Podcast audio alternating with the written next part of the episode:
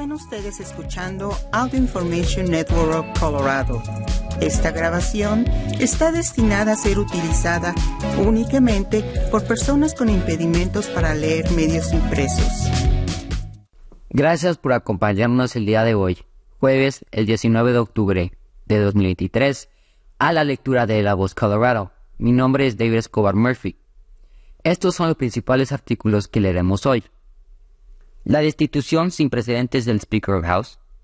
La Oficina de Prevención de la Violencia Armada de Colorado lanza una campaña de concientización pública. Los hijos de Abraham están nuevamente en guerra, escrito por David Conde. Y continuaremos con algunos artículos diversos. La destitución sin precedentes del Speaker of the House. El Congreso puede presentarse como un santuario de camaradería y tradición, pero el cambio de estaciones lo ha visto abandonar lo primero y alterar radicalmente lo segundo. En el proceso ha revelado un punto vulnerable de ira dentro del partido. Un grupo de republicanos de la Cámara de Representantes arremetió recientemente contra su líder, desechándolo sin contemplaciones en tiempo real ante una audiencia nacional por cable.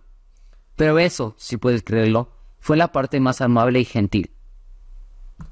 La elección de un sucesor tiene el potencial de volverse francamente desagradable. Por primera vez en la historia, un Speaker of the House fue derrocado cuando ocho colegas de la Cámara, encabezados por el congresista de Florida, Matt Gates, iniciaron el proceso. El grupo no pudo aceptar una votación anterior para evitar un cierre del gobierno, cierre que se evitó con la ayuda de los demócratas. La columnista de Wall Street y ex redactora de discursos presidenciales, Peggy Noonan, comparó la medida para derrocar a McCarthy con una comedia de Hollywood mal interpretada. Es como si Julio César hubiera sido asesinado a puñaladas en el foro por los hermanos Marx. El despido de McCarthy parecía casi predeterminado. Después de todo estaba operando con márgenes muy estrechos. Fue elegido Speaker of the House en enero pasado solo después de hacer muchas promesas a su grupo, una de ellas una pastilla venenosa. Después de un récord de 15 votos de su grupo, tomó asiento. La promesa de la píldora venenosa de McCarthy fue un acuerdo para reducir el número de miembros del caucus necesario para comenzar el proceso de destitución del Speaker, una moción de anulación a un solo voto. Anteriormente se requerían cinco. Son los republicanos comiéndose a los suyos, dijo el ex congresista demócrata de Colorado Ed Perlmutter. El congresista demócrata durante cinco mandatos dijo que el caos republicano no lo ha sorprendido. Los dos anteriores republicanos speakers, dijo Perlmutter, nunca pudieron hacer lo suficiente para apaciguar a la extrema derecha del partido. Si no talleres a sus principios de su superderecha, lo pasarás mal. El 30 de septiembre, la votación sobre una resolución continua de 45 días para mantener abierto el gobierno fue aprobada por la Cámara por 335 a 91. El Senado lo aprobó unas horas más tarde, pero el Congreso volverá a luchar con la misma situación cuando la, la, la resolución continúa a expirar el 17 de noviembre. Para mantener el gobierno en funcionamiento, los demócratas tuvieron que tragar con especial dureza la omisión republicana al CR que habría proporcionado ayuda continua a Ucrania. Aunque apoyamos esta medida para poner fin a esta crisis inmediata, continuamos pidiendo financiación adicional para apoyar a Ucrania, dijo la congresista de New Hampshire, Annie Custer. Los demócratas dicen que buscarán otras formas de mantener la ayuda estadounidense a Ucrania. Scales tiene sus propios problemas. Una vez se jactó de ser David Duke sin equipaje. Duke alguna vez tuvo que tuvo el rango de Grand Dragon en el KKK. Scales, quien ahora camina con un bastón con resultado de disparo mientras preparada para un jugar en el juego de softball del Congreso, también fue diagnosticado recientemente con una forma de cáncer en la sangre. Dice que la enfermedad se detectó temprano y espera una recuperación completa. Fui amigo de Jordan y lo mismo de Scales, dijo Perlmutter. Siempre hemos sido cordiales, pero dijo ambos podían tener problemas para conseguir los votos de confirmación. Va a haber una diferencia de 3, 4, 5 votos, predijo. Al final, ninguno de los dos puede conseguir puesto y un caballo oscuro puede terminar en la silla del Speaker of the House. Un orador temporal, Patrick Henry de Carolina del Norte, ocupará el puesto hasta que se nombre el reemplazo de McCarthy. Curiosamente, uno de los primeros actos de McHenry como Speaker interino fue desalojar a Nancy Pelosi de su oficina. Se cree que McCarthy instigó la mudanza y se espera que se establezca en el espacio que pronto quedará vacante. Mientras continúa la, telenovela de Congreso, Gates, que criticó a McCarthy pero utilizó su tiempo de cámara para recaudar fondos, puede volver a desempeñar un papel crucial. El congresista de Florida dice que podría apoyar a cualquiera de los dos, pero como ocurre en estos asuntos, apoyar también significa embolsarse algunas promesas, o para un precio similar al que pagó McCarthy recientemente. Matt es un tipo muy inteligente. Le encanta decir cosas extremas y escandalosas, admite Perlmutter. Una persona directa al que le gusta decir cosas incendiarias. Es otra descripción que Perlmutter usa para describir su ex colega. Tanto Jordan como Scales deben estar preparados para uno de los ataques de Gates o de los miembros de la extrema derecha de la Cámara si no obtienen lo que quieren de ninguno de los dos. Como prueba, Perlmutter, dicho esto, Pregúntenle a uno de los predecesores de McCarthy, John Bone. Bone renunció porque no podía soportarlo. El histórico abandono del Speaker of the House no se refleja bien en las encuestas. Una encuesta recientemente mostró que midió la aprobación del Congreso. Entre el público mostró una aprobación de un solo dígito. Esta tendencia puede continuar con un candidato para el puesto más alto de la Cámara, Scales, que una vez se comparó muy, públicamente con un ex líder del clan, y el otro Jordan, una pieza vital en el 6 de enero insurrección. La votación para el puesto de portavoz está programada para el miércoles 11 de octubre. Continuaremos con la Oficina de Prevención de la Violencia Armada de Colorado lanza una campaña de concientización pública. La iniciativa Colorado Hablemos de Armas tiene como objetivo reducir las muertes y lesiones por armas de fuego mediante la promoción de la responsabilidad personal. La Oficina de Prevención de la Violencia Armada del Departamento de Salud Pública y Medio Ambiente de Colorado lanzó una campaña estatal de, educación y concientización para ayudar a reducir la violencia armada y promover la seguridad de las armas de fuego en todo el estado. La nueva campaña Colorado Hablemos de Armas tiene como objetivo aumentar la concientización y entendimiento entre los habitantes de Colorado sobre las leyes estatales y federales y los recursos existentes relacionados con la prevención de la violencia armada. Los temas de la campaña incluyen una variedad de leyes de seguridad, de armas y mejores prácticas relacionadas con el almacenamiento seguro de armas de fuego, denunciar la pérdida o el robo de una arma de fuego y cómo solicitar una orden de protección contra riesgos extremos. La campaña también incluirá información sobre cómo las personas pueden acceder a tratamiento de salud mental y abuso de sustancias, incluyendo servicios de prevención del suicidio. Todos, ya sea que tengan un arma o no, quieren mantener seguros a sus seres queridos y a sus comunidades dijo Jill Hunsaker Ryan, directora ejecutiva del Departamento de Salud Pública y Medio Ambiente de Colorado. Esta campaña ayudará a las personas a iniciar una conversación sobre la seguridad de las armas y comprender los nuevos recursos disponibles para ellos. Esto ayudará a reducir la violencia. Colorado, hablemos de armas en publicaciones impresas al navegar por Internet, redes sociales y en mercados locales y tiendas de conveniencia los, anuncios de televisión por cable y streaming debutarán este otoño.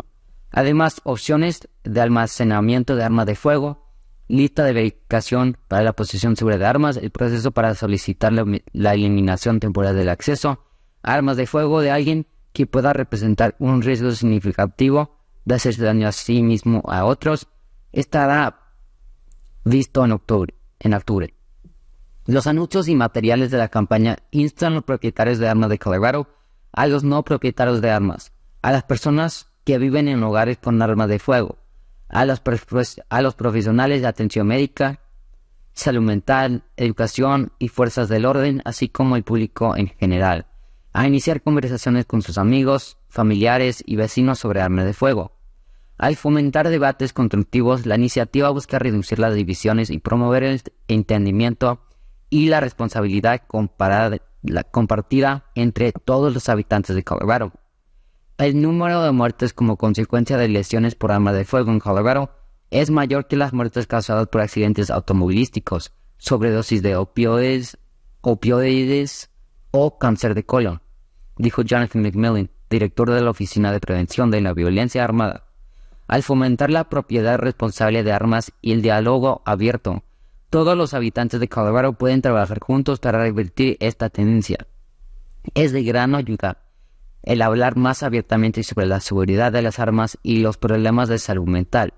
Según datos de estadísticas vitales del Departamento de Salud Pública y Medio Ambiente de Colorado, se presentaron 6.380 muertes por armas de fuego entre los residentes de Colorado entre 2016 y 2022.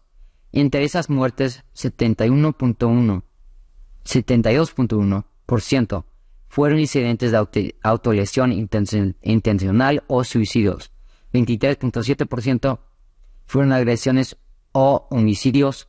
El 2.6% se debieron a la intervención judicial. El 0.9% fueron no intencionales y el 0.7% se debieron a alguna forma indeterminada. Para obtener más información sobre la campaña Colorado Hablemos de Armas, visite www.coloradohablemosdearmas.com. Seguiremos con Los hijos de Abraham están nuevamente en guerra. Los hijos de Abraham están nuevamente en guerra. El odio entre árabes, palestinos y judíos causado por el difícil problema de vivir en la misma tierra ha vuelto a desbordarse hasta el punto de convertir a Tierra Santa en una zona de matanza. De matanza. Abraham es el padre de tres grandes religiones, ya que las tradiciones judía, árabe y cristiana lo identifican como el progenitor de la fórmula de un solo Dios que unificó sus sistemas de creencias. Abraham es también progenitor de una descendencia familiar que se caracteriza por una dualidad encarnada en sus dos hijos Ismael e Isaac. Esta dualidad se ha comportado de manera muy parecida a la ruptura de la integridad original de la humanidad, de la humanidad en dos partes que constituyen la base para la construcción de todas las civilizaciones. La paradoja que utilizamos para lograr perspectiva y orden proviene de esa unidad original que se rompió y con el tiempo se convirtió en opuestos. La misma clase de situación aconteció a los hijos de Abraham. En este caso, sin embargo, hay un ingrediente añadido que ha sido fuerte y fuente de controversia a lo largo de los cuatro mil años transcurridos desde que Abraham hizo su aparición. Las escrituras dicen que Abraham y Sara, su esposa, no podían tener hijos y por eso eligieron que Abraham tuviera un hijo con Agar, su esclava egipcia. El hijo de Abraham con Agar fue Ismael. De hecho, Ismael era el primer hijo y estaba en la línea de tener los derechos y privilegios exclusivos que se otorgarían al primogénito. Pero entonces Sara finalmente quedó embarazada y tuvo a Isaac, un evento que creó complicaciones en el hogar. La Biblia dice que Dios se involucró y eligió a Isaac como padre de su pueblo escogido. Como resultado, Agar y su hijo fueron desertados en el, desierto y se llevaron consigo la promesa de Dios, Ismael también sería padre de una gran nación. Esa decisión, sin embargo, rompió la unidad de, la familia de Abraham en dos partes y provocó un distanciamiento hasta el punto de que las dos culturas no pueden verse viviendo juntas en el mismo espacio. Además de eso, en 1948, los aliados de la Segunda Guerra Mundial ayudaron a establecer el Estado de Israel en Palestina como una una patria judía. A lo largo de los años se ha trabajado mucho para unir a las dos partes bajo una variedad de fórmulas diseñadas para traer paz y prosperidad a la región. Sin embargo, establecer el orden de esa zona conflictiva ha sido un objetivo difícil de alcanzar, ya que ambas partes quieren el mismo territorio para sí. El ataque a Israel por parte de Hamas y otros en uno de los fines de la semana Santos Judíos repite el ciclo de violencia. Ese ha sido un tema recurrente durante 75 años. Para Israel, ir a la guerra parece ser la única opción porque hay que prestar mucha atención a la geografía, el tamaño de su territorio nacional y las intenciones de, otros enemigos potenciales en la región. Como en el pasado, Estados Unidos está obligando a apoyar la defensa de Israel en este momento crítico. Eso no debería significar que miremos hacia otro lado cuando se trata de, la difícil situación del pueblo palestino. Pero al igual que con Ucrania, es necesario hacer el máximo esfuerzo para apoyar la existencia de Israel y tratar de rescatar a los régenes, entre los que parece haber estadounidenses. Es irónico que la tierra de leche y miel sea un campo de exterminio implacable. Se puede decir que los agravios que lo crearon se remontan a mucho tiempo atrás. Los hijos de Abraham están nuevamente en guerra. Esa no es una solución. Terminaremos con Flora Archuleta, la salvavidas de inmigración del Valle de San Luis. Las palabras de la escritora Emma Lazarus al pie de la Estatua de la Libertad durante mucho tiempo fueron significativas y emblemáticas de una nación. Dame tus masas cansadas, pobres, apiñadas, que anhelan respirar libres. Eran los sentimientos de entonces de una nación de migrantes. Pero los tiempos cambian. Una explosión de estadounidenses anti-inmigrantes cree ahora que eran palabras para otro momento. Ahora creen que los inmigrantes, especialmente aquellos que cruzan nuestra frontera sur, no pertenecen aquí y necesitan regresar a sus países. Culpan a los inmigrantes por el crimen, las enfermedades y, como dijo recientemente el expresidente Trump, por envenenar la sangre de la nación. Pero a pesar del corro de antimigrantes, Estados Unidos sigue siendo un faro de esperanza y un santuario para una vida mejor. Ahí es donde entra gente como Flora Archuleta de Alamosa. Durante más de 20 años, Archuleta ha sido clave para allanar allanar el camino para los recién llegados que vienen a quedarse en el Valle de San Luis o para otros que pasan a otros lugares. Archuleta es el director ejecutivo del Centro de Recursos para Migrantes del Valle de San Luis. Es un lugar al que acuden los recién llegados u otras personas que han estado en el país durante años cuando necesitan ayuda para todo, desde cuestiones de tarjeta de residencia hasta aclarar dudas sobre DACA. Es rápido, fácil y quizás lo más importante, asequible. No cobramos lo que podría cobrar, un abogado, dijo Archuleta en una llamada telefónica recientemente. Algunos abogados pueden cobrar hasta 2.500 por los servicios. Cobro 200. Todo depende del servicio. Algunos clientes llegan necesitando ayuda cuando se trata de un problema de inmigración inmediato. A otras, como a una mujer a la que Archuleta ayudó recientemente, le robaron el bolso que tenía su tarjeta verde la prueba que un emigrante debe tener para permanecer en el país. Una tarifa normal para reemplazar una tarjeta verde probablemente habría estado mucho más allá del dedo de la mujer.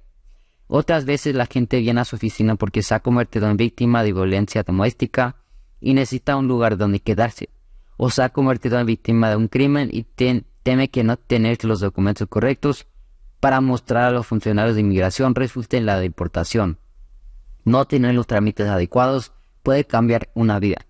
Archuleta dijo que a diferencia de muchas ciudades estadounidenses que experimentan una afluencia repentina de inmigrantes, Alamosa y el Valle no tienen una avalancha de inmigrantes. No tenemos muchos recién llegados, dijo. La razón por la cual que muchos de ellos vienen aquí es que van a otro lugar. También vendrán a ver a Chuleta, dijo, porque la oficina de ICE, Alamosa, cerró recientemente. Cuestiones de, de inmigración se encuentran en Florencia, a tres horas de, Alamosa. Archuleta, el salvavidas de inmigración del Valle, desde hace mucho tiempo dijo que su oficina ayuda a alrededor de 2.000 personas cada año. Algunos no podrían sobrevivir sin nosotros. En esos casos su oficina proporciona comida, dinero para servicios públicos y vales para el alojamiento temporal. Los servicios públicos pueden significar la diferencia entre la vida y la muerte en el valle, donde las temperaturas internales y invernales pueden bajar a 30 o más grados bajo cero. El defensor de, la inmigración dijo que el valle también es uno de los momentos cada año en que los inmigrantes necesitan ayuda. En diciembre, las vacaciones, vemos muchas más víctimas de delitos. Debido a que, como dice Archuleta, La población inmigrante en Alamosa y sus alrededores es principalmente estática. Ella tiene clientes que cuando la conocieron por primera vez, ahora tienen niños que vienen al centro. Vienen para todo, desde solicitar ingreso a la universidad hasta recibir ayuda con la escuela. Hacemos extensión educativa, dijo Archuleta. También hacemos ESL, inglés como segundo idioma para adultos. Su oficina también ofrece un programa de tutoría después de la escuela. Las personas que ayudan en el Centro de Cursos de Inmigrantes del Valle de San Luis, dijo Archuleta, son una población esencial en Valle. Su centro no solo ayuda a quienes llegan de camino a otros lugares, sino que también brinda estabilidad a otras personas que trabajan en los almacenes de papas, de papas y otras operaciones agrícolas que salpican el valle. Estos lugares no podrían sobrevivir, dependen de ellos. Los empleadores locales, dijo, saben que son confiables y confiables y por eso muchos lo buscan. Gracias por acompañarnos en esta edición de La Voz Colorado. Mi nombre es David Escobar Murphy. La programación regular de este podcast no está disponible en este momento. Esperamos que disfrute de esta transmisión especial de AINC. Gracias por acompañarnos el día de hoy, miércoles 21 de noviembre 2023, a la lectura de Telemundo Denver. Mi nombre es Janet Beatty. Estos son los principales artículos que leeremos hoy. Biden Ahora estamos muy cerca, muy cerca de un acuerdo de rehenes entre Hamas e Israel. Por NBC News y The Associated Press. Todavía huelo la sangre. Aterrador testimonio de sobreviviente de la masacre en el Club Q. Por José Quevedo, Telemundo Colorado. Atrapados 10 días en un túnel revelan primer video de los 41 trabajadores en India por EFE. CNBC, las ofertas no son tan buenas este Black Friday. ¿Cómo conseguir precios aún más bajos? Por Jessica Dickler, CNBC. Y continuaremos con algunos artículos diversos. Biden. Ahora estamos muy cerca, muy cerca de un acuerdo de rehenes entre Hamas e Israel. El acuerdo tentativo incluiría el intercambio de alrededor de 50 mujeres y niños como rehenes por alrededor de 150 prisioneros palestinos detenidos por Israel en una primera fase. Por NBC News y The Associated Press. Washington, D.C. El presidente Biden dijo este martes que ahora estamos muy cerca, muy cerca de un acuerdo de rehenes entre Hamas e Israel y agregó que no quiere profundizar en los detalles hasta que se cierre el acuerdo. El mandatario dijo que se trata de un esfuerzo en curso para traer a casa a los rehenes que Hamas ha estado reteniendo desde el 7 de octubre.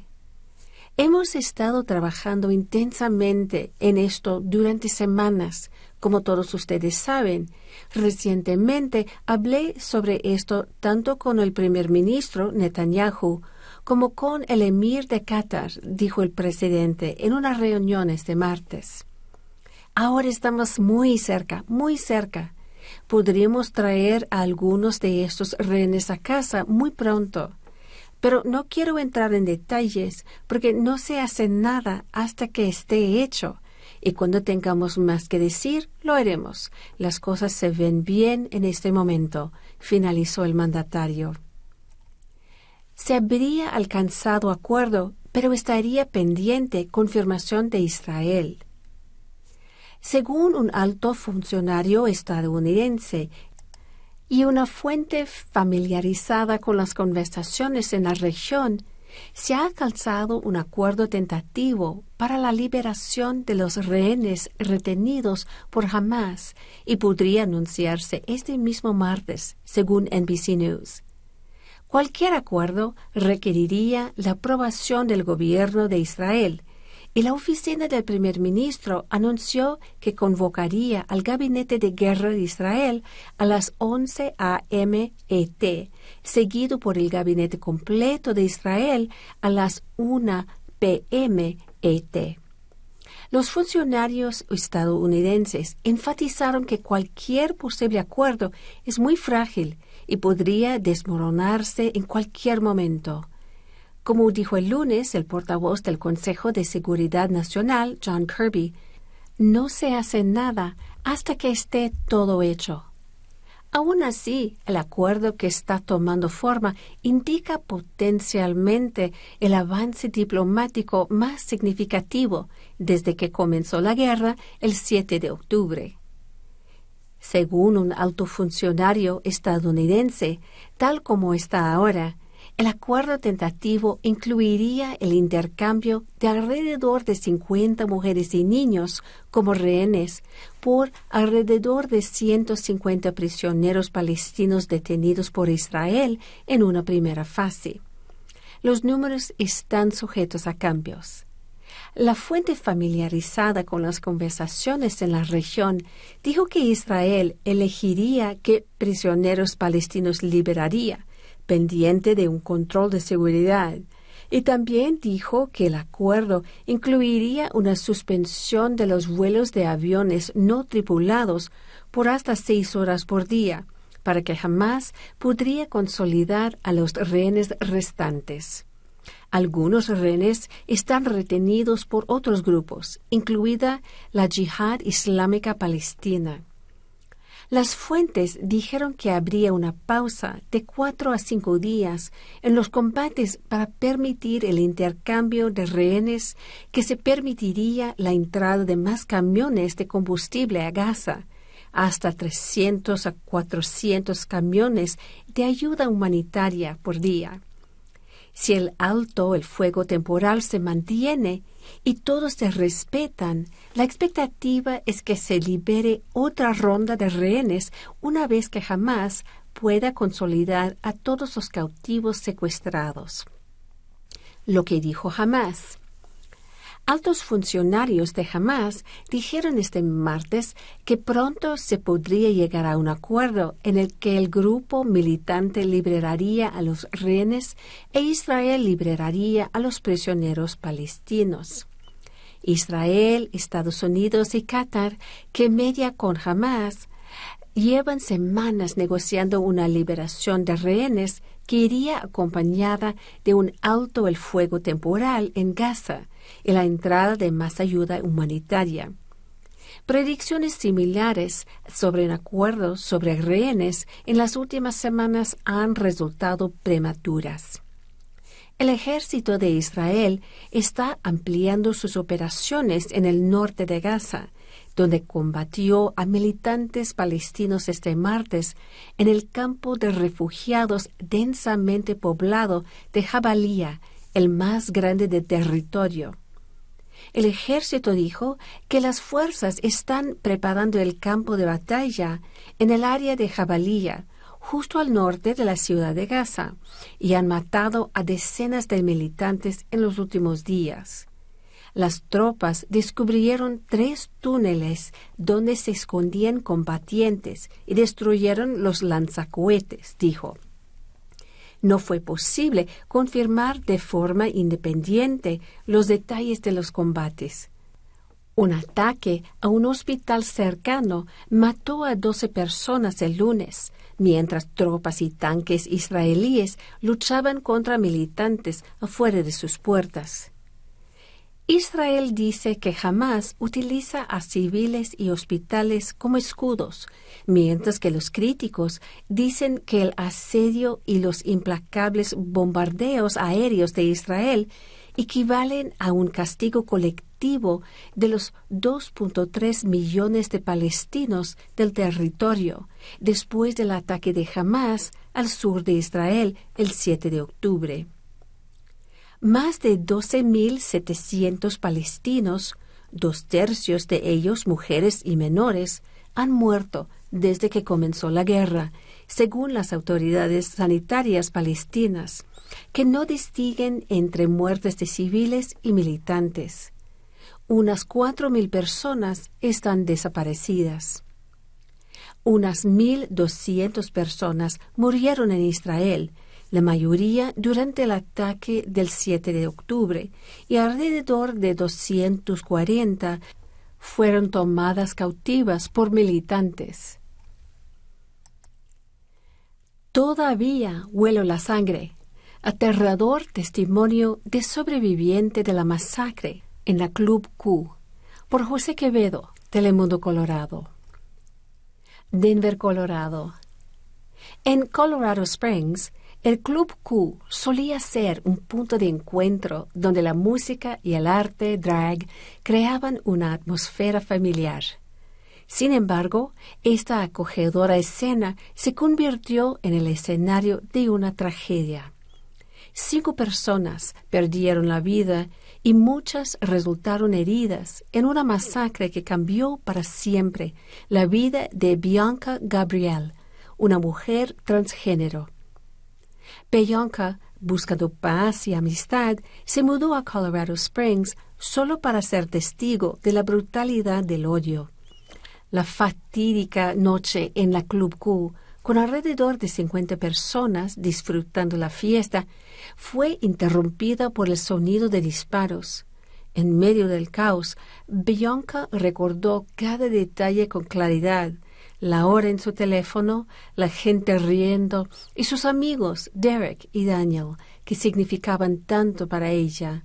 El ruido de los disparos cambió todo.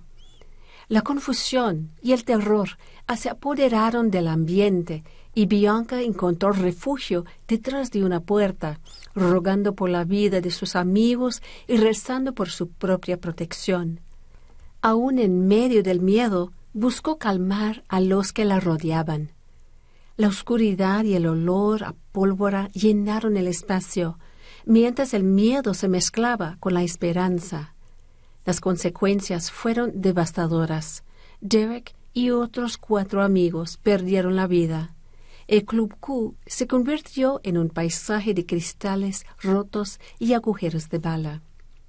Ahora Bianca busca sanar. Se ha sumergido en la terapia, buscando comprender y encontrar la fuerza para seguir adelante. La memoria de aquellos que perdió la impulsa a continuar. La reapertura del Club Q, ahora conocido como The Q, se convierte en un memorial que busca honrar a quienes partieron. Aunque el bar renace, el espíritu de la comunidad ha cambiado para siempre. Atrapados diez días en un túnel, revelan primer video de los 41 trabajadores en India. Los 41 trabajadores han logrado sobrevivir a punta de oxígeno, agua y bolsas de frutos secos. Los equipos de rescate compartieron este martes las primeras imágenes de los 41 obreros atrapados desde hace 10 días en un túnel en construcción en el norte de la India mientras las autoridades trabajan simultáneamente en varias vías de escape alternativas. ¿Están todos bien? Pasen ante la cámara uno por uno, preguntaron los equipos de rescate a los obreros, muchos de ellos equipados con cascos y desaliñados tras una decena de días en el interior del túnel. El video muestra a un grupo de obreros primero sacando la cámara de la tubería y luego agrupados en torno a ella, en el interior del túnel iluminado por varios potentes focos. Las imágenes fueron tomadas tras instalar con éxito el pasado lunes una tubería a través de la pared de metros de escombros pensada para poder enviar comida caliente y otros enseres a los trabajadores, explicó a EFE Jay Panwar, de la Agencia de Gestión de Desastres del distrito de Uttarakashi, en el estado norteño de Uttarakhand. El derrumbe tuvo lugar en la madrugada del 12 de noviembre en el túnel en construcción del Sikyara Tras cierta confusión sobre el número de trabajadores atrapados, las autoridades revisaron su número a 41. Los equipos de rescate consiguieron contactar con ellos el mismo día del accidente por medio de un walkie-talkie y gracias a una estrecha tubería que ya estaba presente en el túnel antes del derrumbe. Hasta ahora, los obreros habían recibido alimentos simples como bolsas de frutos secos, así como agua y oxígeno. Pongan la cámara otra vez en la tubería. La vamos a retirar y limpiar la tubería con un compresor de agua. Así que apartaos, indicaron los equipos de rescate, antes de enviar la primera comida caliente en días a los obreros. Las labores de rescate comenzaron el mismo domingo e inicialmente los equipos trataron de retirar decenas de metros de escombros del interior del túnel con la ayuda de excavadoras. El temor a nuevos derrumbes puso fin a este plan y las autoridades comenzaron a excavar un orificio bajo los escombros para instalar una tubería de casi un metro de diámetro que serviría a los trabajadores para salir a la superficie. Una sucesión de averías en la maquinaria tuneladora ha retrasado las labores, mientras las autoridades recurren a varios planes alternativos, como la excavación de un túnel vertical. La lentitud de las labores de rescate ha provocado algunas protestas entre los compañeros de trabajo de los atrapados, mientras las autoridades tratan de mantener la moral alta. Nos mantenemos en contacto continuo, sugiriendo actividades como yoga, dar paseos y alentando conversaciones entre ellos para mantener la moral alta dijo el psiquiatra Abhishek Sharma, nombrado por el gobierno para velar por la salud mental de los atrapados, al diario Indian Express. CNBC. Las ofertas no son tan buenas este Black Friday. ¿Cómo conseguir precios aún más bajos? Por Jessica Dickler, CNBC. Lo que debes saber. Este año, el gasto durante las festividades desde el Black Friday hasta el Cyber Monday, puede alcanzar un récord a medida que los consumidores intentan maximizar las ofertas del fin de semana. Las tiendas intentan tentarte con descuentos, pero estos no son necesariamente los mejores precios del año, según los expertos en compras. Esto es lo que no debes comprar en el Black Friday y cómo conseguir el precio más bajo en general. Según la mayoría de las cuentas, el Black Friday y el Cyber Monday prometen algunos de los precios más bajos de la temporada y en 2023 más personas que nunca planean aprovechar el evento de compras de cinco días que comienza el Día de Acción de Gracias y continúa hasta el lunes siguiente, según la encuesta anual de la Federación Nacional de Minoristas. Este año, el gasto festivo durante la Semana de Acción de Gracias puede alcanzar un récord a medida que los consumidores intentan maximizar las ventas del fin de semana, según una encuesta separada de Deloitte Black Friday Cyber Monday. Sin embargo, estas no son necesariamente las mejores ofertas del año, según Julie Reimhold, analista de consumidores de DealNews.com. Según la encuesta de compras navideñas de Wallet Hub, el 35% de los artículos en los principales minoristas no ofrecerán ahorros en comparación con los precios anteriores al Black Friday. Un análisis separado de las ventas anteriores del Black Friday encontró que el 98% de las ofertas tenían el mismo, el mismo precio, perdón, o eran más baratos en otros momentos del año. Ninguno era más barato solo durante el Black Friday. Las tiendas intentan tentarte con descuentos, Pero no sé si el Black Friday tiene el mismo nivel de valor que hace años, dijo Ramhold. Lo que no debes comprar en Black Friday. Por lo general, el Black Friday es un buen momento para encontrar precios bajísimos en ropa de otoño, incluyendo franelas, mezclilla, botas y accesorios, y televisores, como un televisor inteligente Samsung de 75 pulgadas, que ahora está en la venta por menos de 600 dólares en Best Buy. Este año también hay ofertas particularmente buenas en teléfonos inteligentes incluido el nuevo iPhone 15 de Apple, descubrió Ramhold. Con los juguetes, sin embargo, podría valer la pena esperar hasta que esos artículos tengan más descuentos más adelante en la temporada. A menos que sea uno de los juguetes más populares que puede agotarse, puedes esperar hasta diciembre, aconsejó Ramhold. Los equipos de ejercicio, los cosméticos, las joyas y las sábanas tienden a tener precios más bajos en enero, mientras que las ofertas en muebles y colchones suelen ser mejores que en otros fines de semana festivos del año, como los fines de semana del Día de los Presidentes, el Memorial Day y el Labor Day, dijo Ramhold. Es posible que algunos descuentos ya hayan aparecido y desaparecido.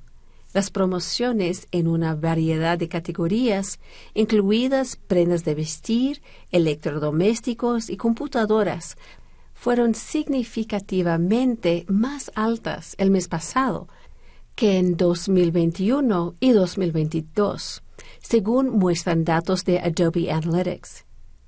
¿Cómo conseguir los precios más bajos de la temporada?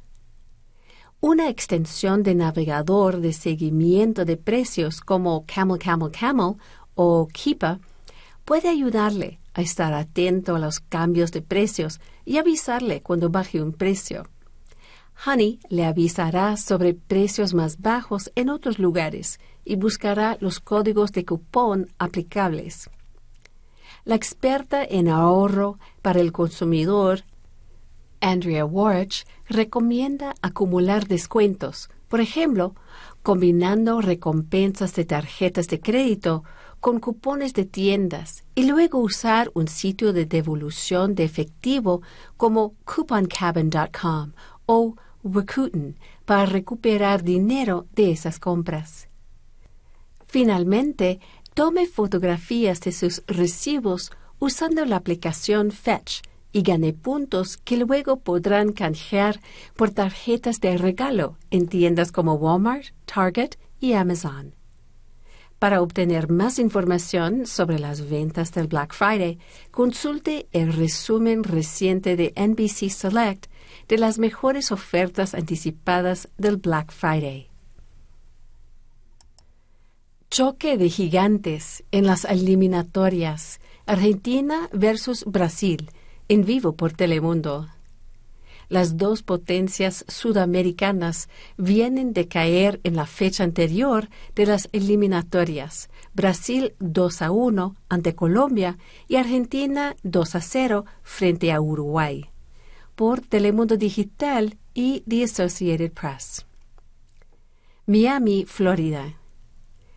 Telemundo continúa esta semana con la cobertura exclusiva del partido eliminatorio de Argentina, campeón del mundo en Qatar 2022, y Brasil, ganador histórico de la Copa Mundial. Podrás ver la cobertura completa del clásico sudamericano y mundial Argentina versus Brasil este martes 21 de noviembre a las 7 y media pm ET, 4 y media pm PT, en vivo por Telemundo y Universo. Desde el mítico estadio Maracaná, estos dos equipos vuelven a encontrarse en el escenario de la Copa América 2021, en la que Lionel Messi obtuvo su primer título internacional con la Argentina.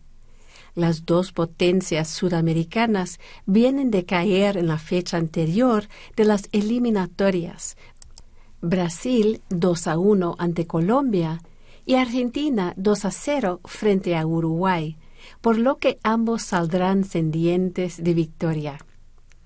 Andrés Cantor, el exjugador de la selección mexicana y de Chivas, Manuel Sol, y la leyenda del fútbol argentino, Maxi La Fiera Rodríguez, narrarán el partido. La cuenta pendiente de Messi ante Brasil.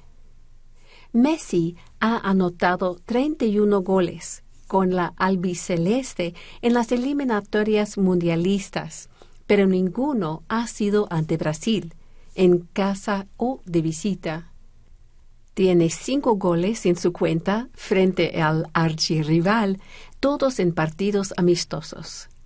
El capitán de 36 años intentará dar un zarpazo en el estadio Maracaná, que estará repleto tras agotarse de las 69 mil entradas que se pusieron a la venta. Brasil con una racha negativa histórica. La situación de Brasil es inédita en las eliminatorias. La canariña llega sumida en una racha de tres partidos consecutivos sin ganar y dos derrotas al hilo. También acusan tres bajas importantes por lesiones. Los atacantes Neymar y Vinicius Jr. y el centrocampista Casemiro. Previo a los partidos de este martes, la albiceleste seguía al frente de la eliminatoria sudamericana, integrada por 10 equipos, con 12, perdón, 12 puntos en 5 partidos. Uruguay era segundo con 10 puntos. Colombia tenía 9 unidades y Venezuela 8. Brasil recibía a los campeones del mundo ubicado en la quinta posición con siete puntos. Tiroteo a la entrada de un Walmart deja dos muertos en Alaska.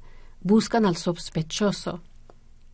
Los cuerpos de un hombre y una mujer fueron encontrados cerca de la entrada principal del supermercado por Telemundo Digital. Dos personas fueron asesinados a tiros el domingo por la noche a la entrada de un Walmart en Alaska, según autoridades.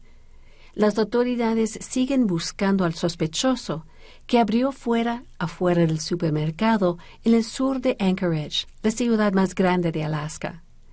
La policía informó que encontró los cuerpos de un hombre y una mujer detrás de dos camiones en el estacionamiento cerca de la entrada de la tienda, así como una arma de fuego. Eso sucedió justo afuera de la entrada principal. Es simplemente una locura, dijo Sean Keating, del Departamento de Policía de Anchorage, a medios locales. La tienda fue evacuada antes del cierre del día y los agentes ayudaron a las personas a llegar a sus vehículos, evitando la escena del crimen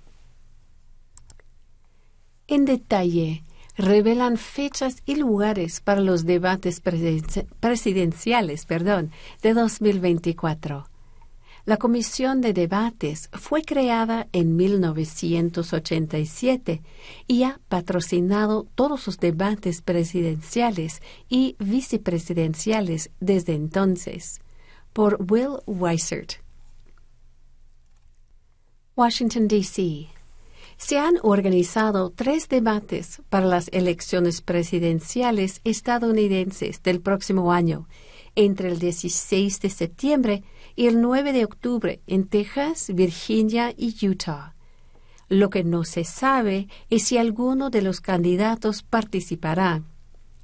La Comisión de Debates Presidenciales anunció el lunes que el primer debate será el 16 de septiembre en la sede de la Universidad Estatal de Texas en San Marcos, al sur de Austin.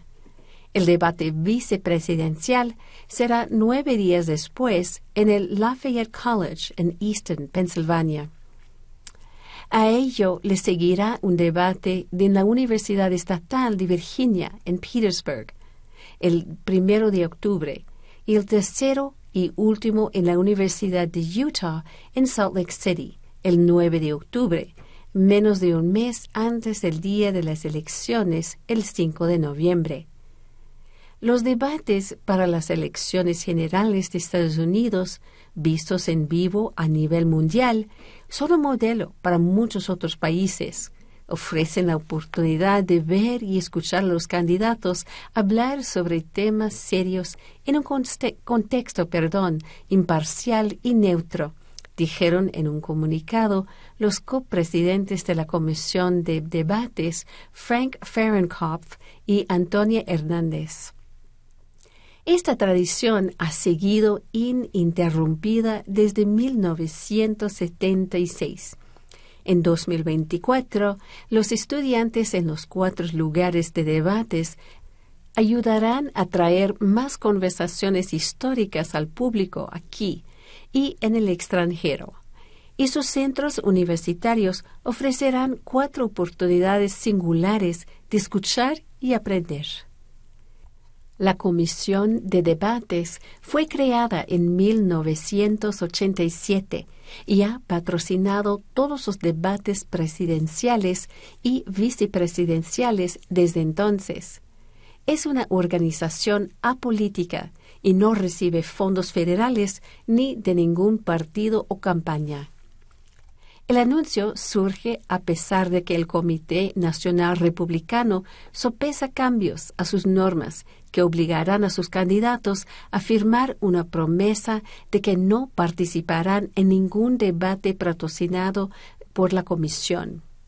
Tal boicot estremecería la manera en que Estados Unidos ha organizado las elecciones presidenciales desde hace décadas, aunque la negativa del expresidente Donald Trump de participar en los debates durante las primarias republicanas quizás hace que eso sea más fácil de imaginar. Aún así, Trump ha dejado en claro que quiere debatir con Biden si resulta ser el candidato. Día de Acción de Gracias. ¿Dónde encontrar comidas gratuitas en el área metropolitana de Denver en 2023? Por José Quevedo, Telemundo Colorado. Denver, Colorado. La llegada de la temporada de acción de gracias trae consigo una serie de eventos solidarios en Denver donde varias organizaciones se unen para ofrecer comidas gratuitas a aquellos que las necesiten. Centro de la Comunidad Africana. El Centro de la Comunidad Africana celebrará su décimo octavo evento anual Refugiados Primer Día de Acción de Gracias. El acontecimiento se llevará a cabo el lunes 20 de noviembre desde las 5 30 pm hasta las 7 pm o de 7 pm a 8 y media pm en la Catedral Assumption of the Theotokos, ubicada en 4610 East Alameda Avenue, Denver. Los boletos son gratuitos, pero obligatorios, y pueden reservarse en línea. Este evento multicultural ofrece una acogedora cena para los recién llegados al país, con música internacional, actividades para niños y una variada comida inspirada en todo el mundo. Es importante mencionar que el evento es libre de alcohol y halal, con el fin de ser inclusivo con los asistentes musulmanes. Misión de rescate de Denver llevará a cabo su banquete en una caja el martes 21 de noviembre de 12 a 1 p.m. en Empower Field at Mile High, estacionamiento Lote B, 1701 Bryant Street, Denver. Aunque las reservaciones para el banquete ya están completas, se invita a las personas que no lograron inscribirse a acudir al campo Empower entre el mediodía y la 1 p.m. del martes para recibir una caja de alimentos por orden de llegada hasta agotar existencias. Esas cajas contienen todos los ingredientes para una cena de acción de gracias para una familia de 8 a 10 personas, incluyendo un pavo congelado. se distribuirá solo una caja por familia. Centro Cultural Brother Jeff. En el Centro Cultural Brother Jeff, ubicado en 2836 Welton Street, Denver, se ofrecerá una comida gratuita de acción de gracias el jueves 23 de noviembre. Los residentes de Aurora y Denver pueden inscribirse para recibir la comida a través del formulario disponible en brotherjeff.com. El centro ofrece opciones de entrega a domicilio sin contacto y seguras ante el COVID para aquellos que no pueden salir debido a enfermedades, limitaciones de movilidad o falta de transporte. Madsgiving de la señora Betty. El evento de Madsgiving de la señora Betty será realizado el jueves 23 de noviembre durante los últimos cuatro años, Daniel y Tahaji Cook han utilizado su estatus de chef local para cocinar y proporcionar casi 40.000 comidas a los necesitados en Colorado durante la festividad de Acción de Gracias. Este año, además de cocinar para personas sin hogar y necesitadas, los Cook desean brindar una comida de acción de gracias para aquellos que trabajan en la industria restaurantera.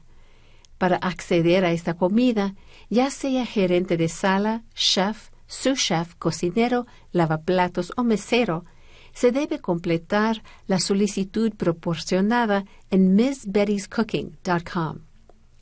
Las opciones de recogida se encuentran dispersas por Aurora y Denver detalladas en la solicitud y también se ofrece la posibilidad de entrega. Escuelas de Cherry Creek. Las escuelas de Cherry Creek también están ofreciendo comidas gratuitas el jueves 23 de noviembre. Juanes ofrece gratis su casa en Colombia durante una noche en diciembre. ¿Cómo reservar?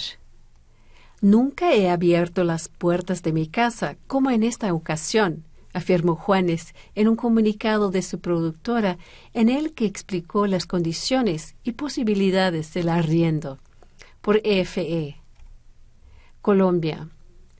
Juanes publicó en la plataforma de Airbnb su lujoso hogar de Envigado, en el departamento colombiano de Antioquia, noroeste, para que dos de sus seguidores la alquilen de manera gratuita durante la noche del 9 al 10 de diciembre de 2023.